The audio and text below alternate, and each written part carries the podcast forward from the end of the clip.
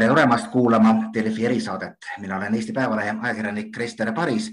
ja teemaks täna on meie tänane päevaleht, mis on pühendatud no mitte ainult rohepöördele, vaid üldse kliimale, kliima soojenemisele tervikuna ning seal oli terve, terve hulk artikleid, mis pakkusid lugemist igale maitsele, alates siis päris alarmeerivatest ülevaadetest kuni ka näiteks kliimaskeptik Martin Helme artiklini, kes mille, milles väideti, et tegelikult peaks Eesti kõikvõimalikest taolistest pakettidest kõrvale jääma. aga vaatame natuke nüüd otsa sellele suvele. meil Eestis on olnud siin, ütleks, et päris soe, päris mitu kuumarekordit mitmel päeval on purunenud. näiteks Lõuna-Eestis ei tulnud vist tänase päevani umbes kuu aega peaaegu et tilkagi vihma, selline põud, samas teistes maades tuli vihma nii palju, et ka väga rikkad riigid nagu Saksamaa ja Belgia kaotasid mitusada inimelu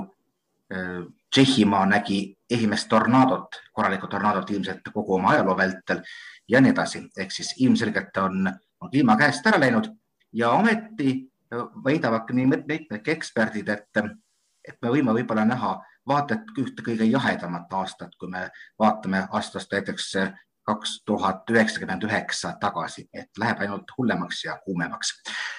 mul on väga hea meel tervitada teisel pool Zoomi linki Eestimaa Looduse Fondi kliimaeksperti Piret Väinsalu, kes teab kliimast ilmselt rohkem kui, kui väga paljud inimesed kokku.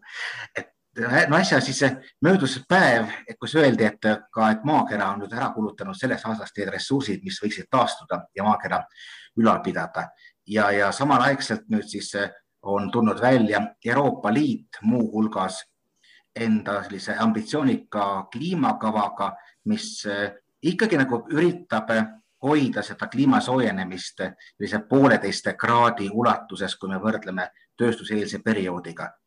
kuidas sulle tundub, et kui, kui naiivne see on, kas see on naiivne selle koha pealt, et me seda niikuinii ei saavuta või on naiivne oodata, et need meetmed tegelikult eesmärgiga saavutaksid või tegelikult ikkagi on selles midagi, midagi, millest kinni haarata ja millega edasi minna tere! Alustuseks ka, et äh, loomulikult see on äh, hea algus, mis on tehtud, et äh, kui varem oli tegu ainult siis sellise deklaratiivse sõnumiga, et Euroopa Liit saavutab kliimaneutraalsuse aastaks kaks tuhat viiskümmend, siis nüüd on tehtud esimene samm selle poole, et päriselt siis muuta regulatsioone, seadusi, et, et need ähm, siis äh, reaalsed sammud ka siis äh, sinnapoole tehtaks. et äh, naiivne küsimus muidugi jah, et mis, kust otsast vaadata, et ma arvan, et esiteks ei ole üldse naiivne arvata, et see, ähm, see, mis on siis ette pandud, et see ei oleks saavutatav, et kindlasti see on saavutatav, et need, need siis tegevused, mis on sinna erinevates pakettides mm, kirja saanud, et muidugi need on saavutatavad, et see on äh, kättevõtmise asi. Äh, teiselt poolt aga, et äh, kas on saavutatav see üks koma viis kraadi, mida sa mainisid, et selle paketi ambitsioonikusega võib küll öelda, et see on kaugel ikkagi sellest. et seda... palju, ja palju üldse meie nii-öelda Euroopa kätes oleme, on, et ikkagi, kui me vaatame ühest küljest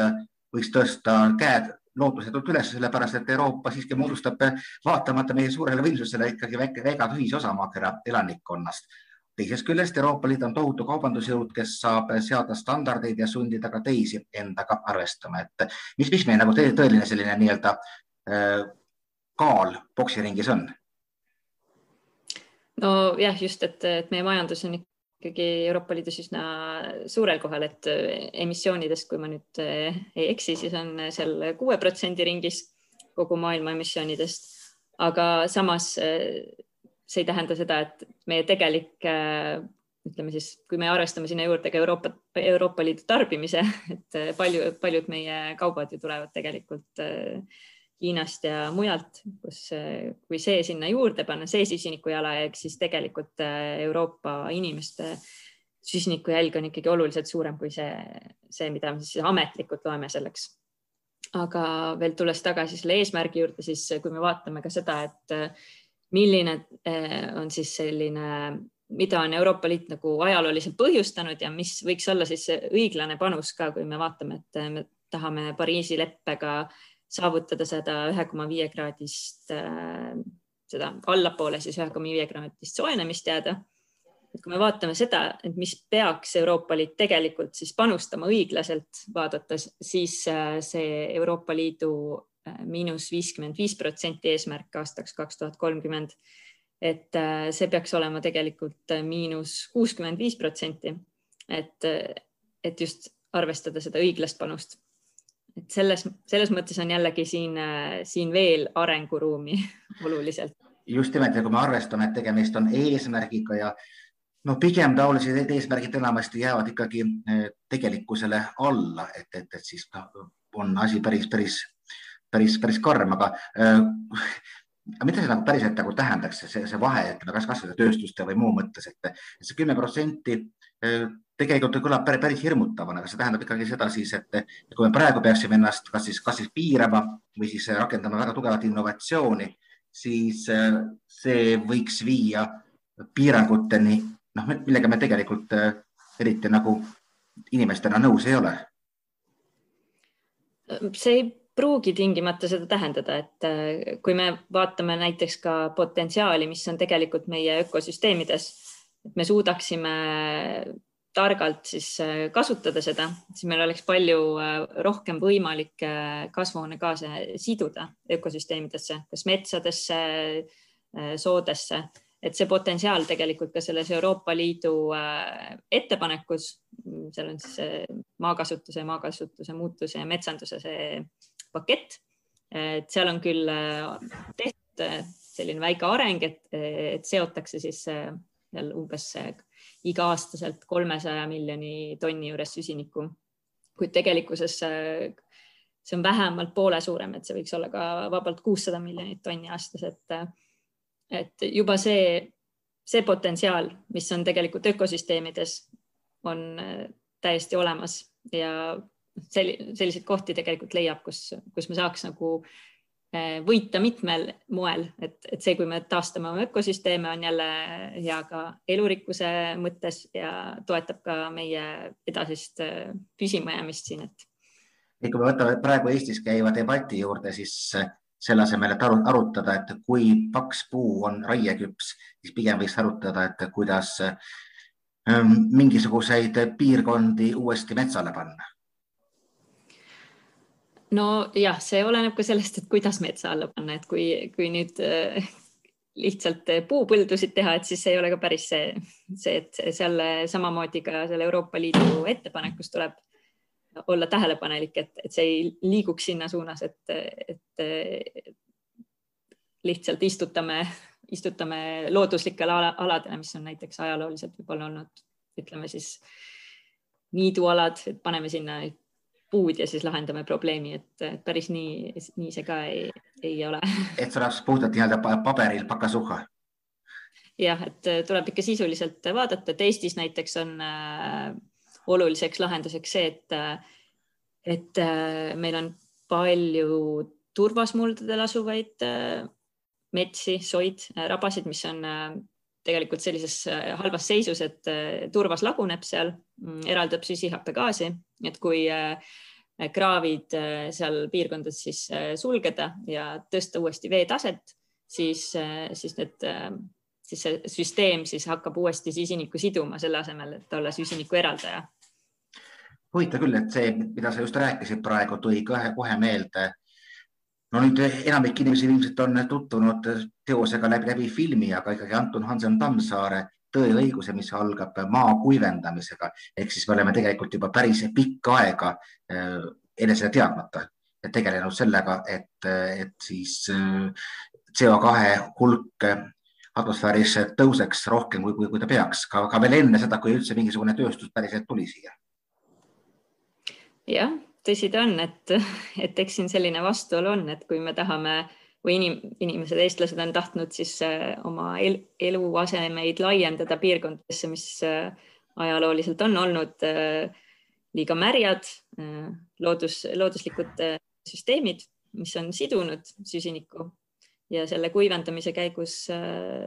on paratamatult tekkinud see protsess, et,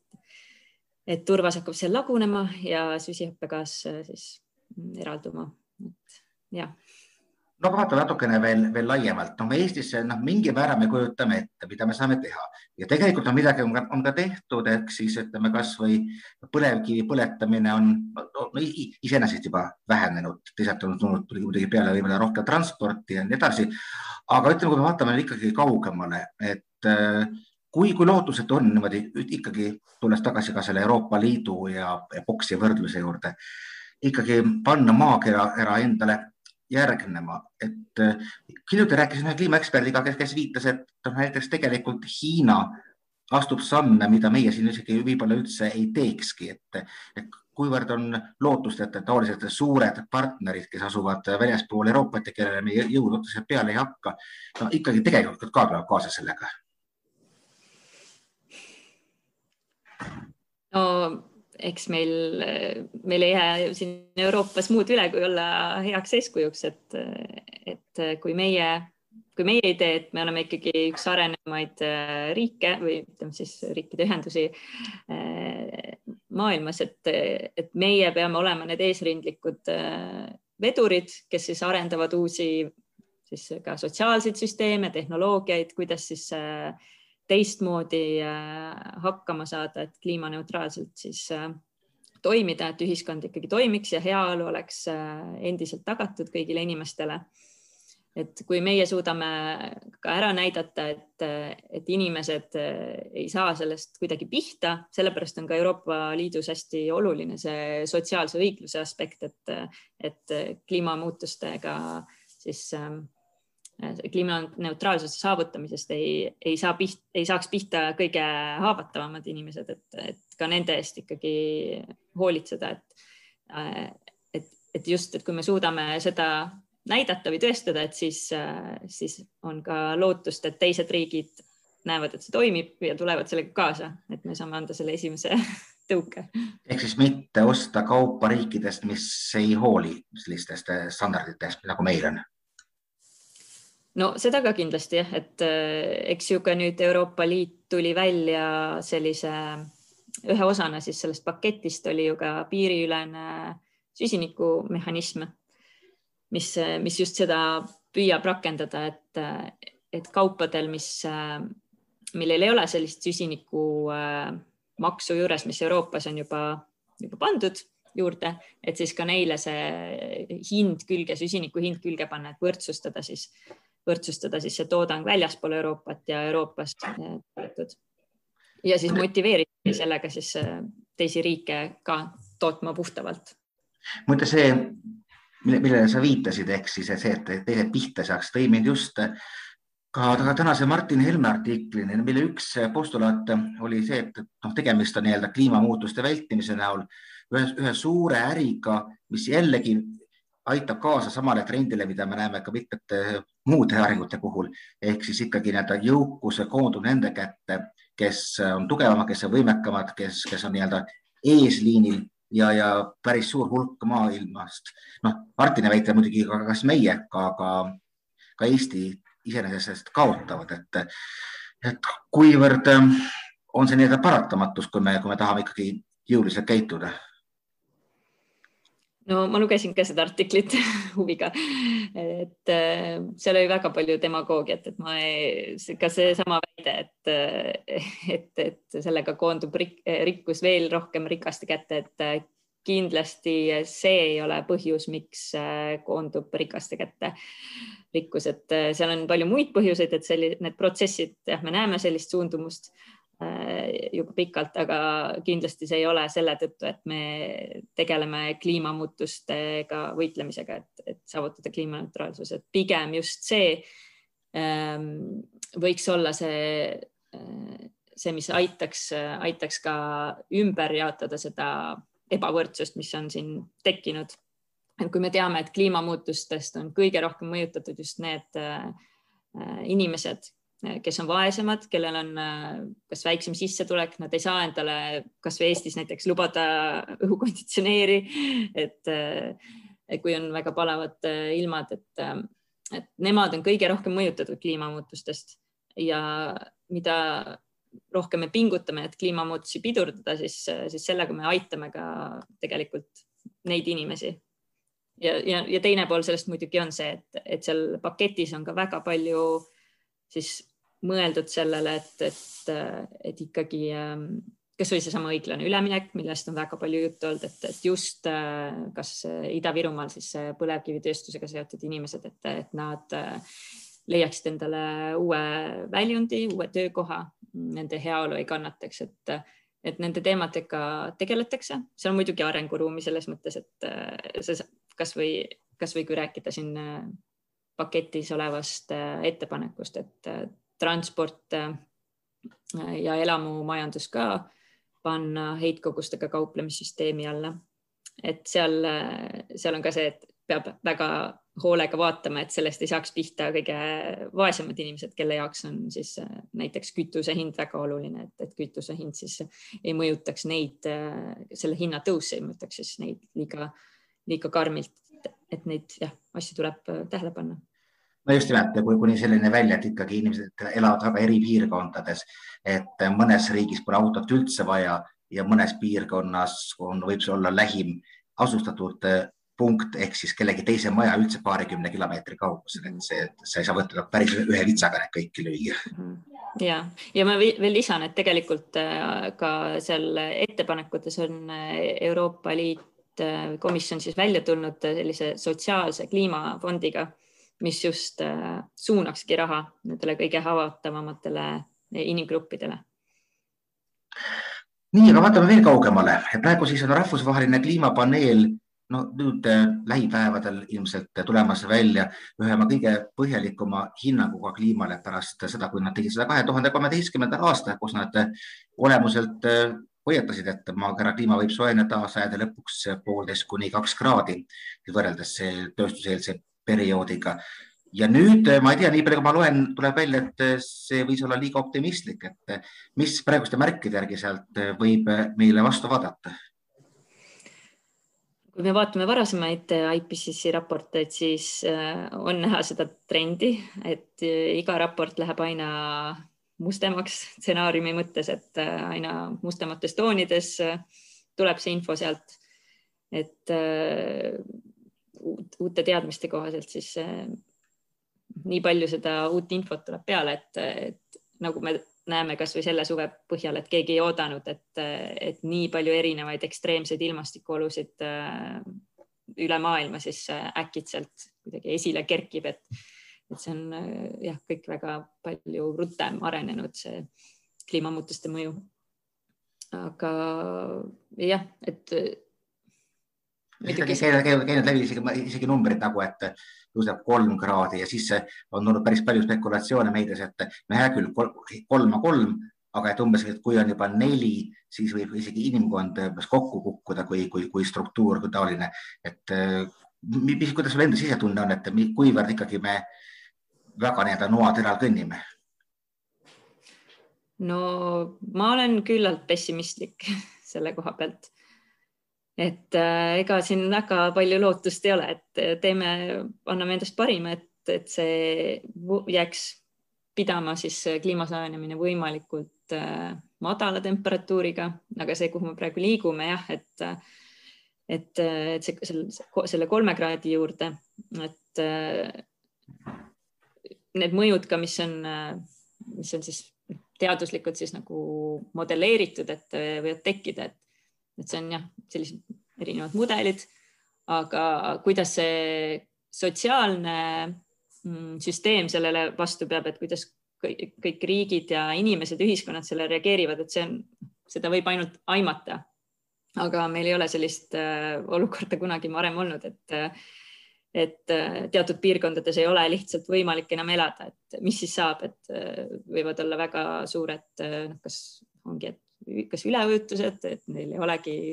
enam reaalset ruumi või siis äh, on pikad põuaperioodid, äh, toidu, toidunappus. et mis, mis siis saab nendest inimestest, et, et meil ei ole sellist olukorda varasemalt olnud ja, ja ega jah, kliimateadlased seda ka seal on jah juba teisi teadlasi vaja, kes seda, seda hindavad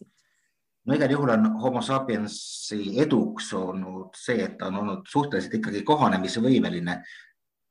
muutuvate tingimustega. võimalik, et saame ka sellega hakkama. Või kuidas, kuidas tundub, et kas võib-olla on ikkagi inimkonna mingisuguseks väljapääsuks või siis võib-olla mitte nii-öelda hübriidvariandiks lisaks sellele pidurdada, ikkagi kohaneda, et noh, käid natukene mõned tammid kõrgemaks ja ehitad kuskile eh, külma saari linnadesse ja kujundad natukene linnaruumi ümber ja, ja saab hakkama no kohanemine on kindlasti oluline, et ilma selleta me ei saa, et me oleme selle juba maha maganud. et, et, et me saaksime hakkama niimoodi, et me saame jätkata oma tavapärast elu, et, et see, see on kindel, et äh, olud lähevad karmimaks ja kohanema peab. aga jah, et, et siin ongi küsimus, et kuidas siis noh, me ei saa vaadata ennast isolatsioonis äh, must maailmast, et me võime ju küll äh, siin Tartus äh, rohealasid säilitada ja muuta linnad mõnusamaks elamiseks. aga, aga mis toimub mujal, et me ei saa, me ei saa sellest mööda vaadata, et see mõjutab ikkagi meid, et just seesama asi, et kuhu, kuhu need inimesed siis lähevad, et kas meie maailm siis äh, püsib stabiilsena, kõik erinevad riikidevahelised suhted, et see kindlasti pingestab äh, olukorda väga palju, et ma ei, ma ei julge siin ennustada, et, et, et kui palju, aga, aga ma küll kardan ise, et, et, et see sinnapoole liigub, et, et ei olda enam üksteise vastu nii sõbralikud tulevikus no ikka, kui, kui jääb ressursse vähemaks, on need ilmselt paratamatud. ma küsiks veel lõpuks, et mis sa arvad, et kuivõrd on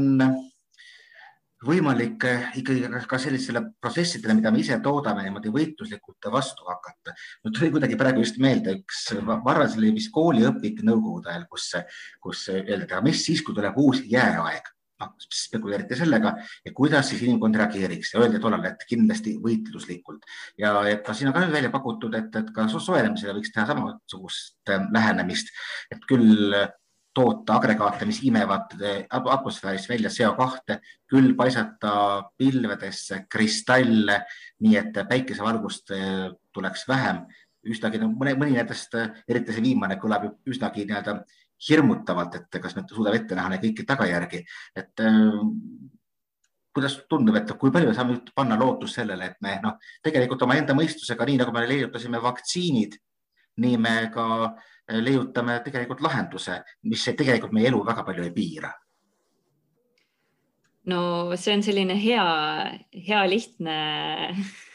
lahendus, mis muud, muudaks kõik, kõik nii kenaks, et,